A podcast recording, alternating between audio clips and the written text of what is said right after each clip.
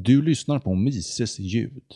Idag artikeln “Keynesiansk politik förstör det privata sparandet”. Publicerad på mises.se 1 september 2011. Det har sedan länge rått en stark uppfattning om att de ekonomiska lagar en individ måste leva efter inte gäller för en stat. Det mest typiska exemplet är skuldsättning. Enligt den konventionella visdomen kan en stat skuldsätta sig nästan hur mycket som helst, medan en individ måste vara mycket noggrann med sin skuldsättning. Just den här uppfattningen ligger till grund för teorin om att staten kan och bör spendera sig ur en recession. Tyvärr är det inte så enkelt. De vanliga skälen som anförs för myten om statens undantag från ekonomisk lag är följande. 1. En stat kan alltid höja skatterna och eller trycka pengar och på så sätt betala sina skulder. 2. Konsumtion skapar ekonomisk tillväxt, varför staten bör spendera när individerna sparar. Bristen i punkt 1 borde senast nu vara uppenbar för alla, med tanke på vad som har hänt i Grekland och Zimbabwe, för att nämna de uppenbara exemplen. USA är ett bra exempel på en kombination av de två. Höjda skattesatser är inte på något sätt en garanti för höjda skatteintäkter. Inte sällan får det till och med en helt motsatt effekt. Dessutom måste skattesubjekten generera intäkter som kan beskattas.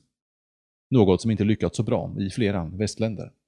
Genom att låta sedelpressarna gå varma kan man förvisso betala bort skulden, men löper då risk för hyperinflation.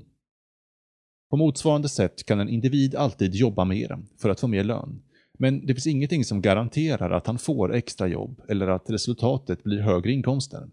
Än mindre att det räcker till att betala ständigt växande skulder. En stat kan alltså inte höja sina intäkter mer än en individ kan, och den kan gå i konkurs, precis som vilken individ som helst. Historien är full med exempel på det, allt från stora romarriket till den relativt lilla Weimarrepubliken. Punkt 2 är det som vållar mest problem och ligger till grund för mycket av den katastrofala ekonomiska politik som bedrivits av nästan samtliga västländer de senaste decennierna. Så det kräver kanske en lite grundligare genomgång. Konsumtion skapar inte tillväxt.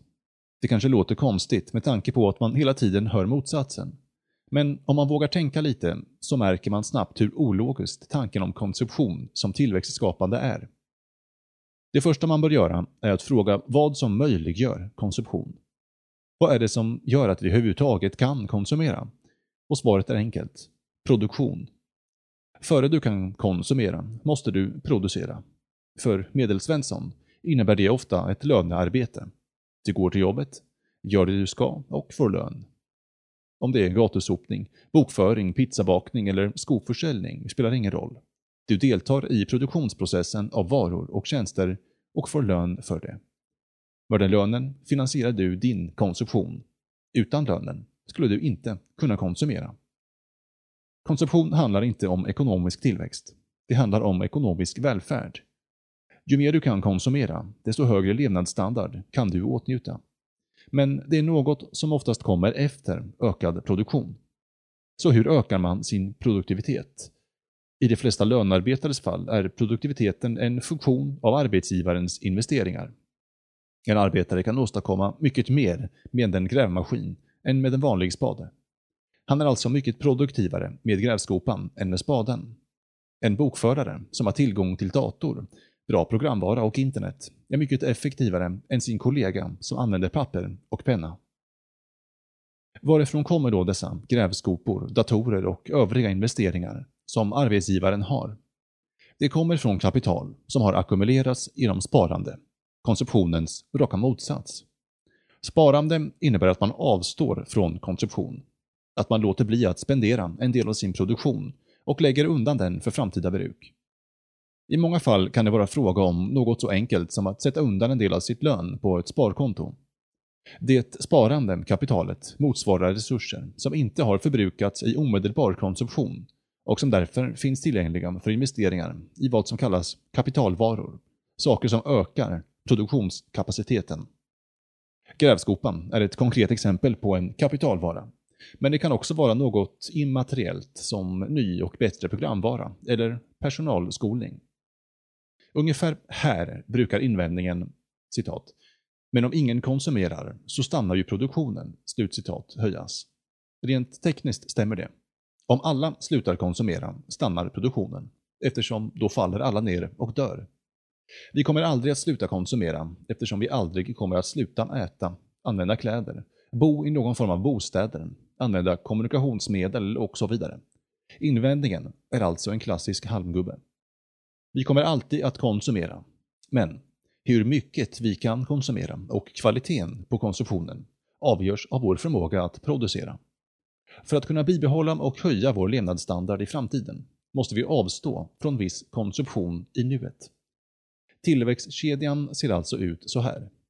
Sparande leder till kapitalackumulation, vilket leder till investeringar, vilket leder till ökad produktion, vilket leder till högre levnadsstandard i form av ökad möjlig konsumtion. Vad händer då när staten ökar sina utgifter på grund av att individerna drar åt svångremmen? Sådär som keynesianerna vill att den ska göra. Flera saker händer, varav samtliga är destruktiva. 1.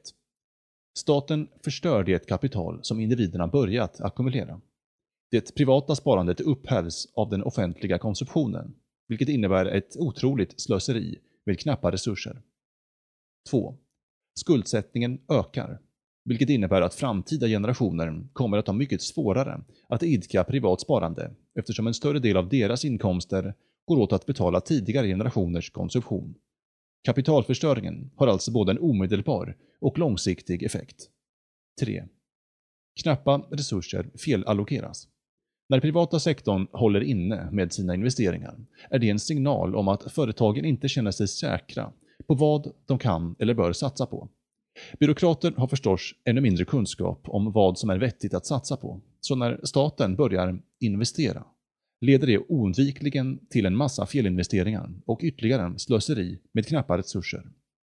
Det blotta faktum att man börjar bygga ny infrastruktur betyder inte att det automatiskt gynnar tillväxten, ens på kort sikt.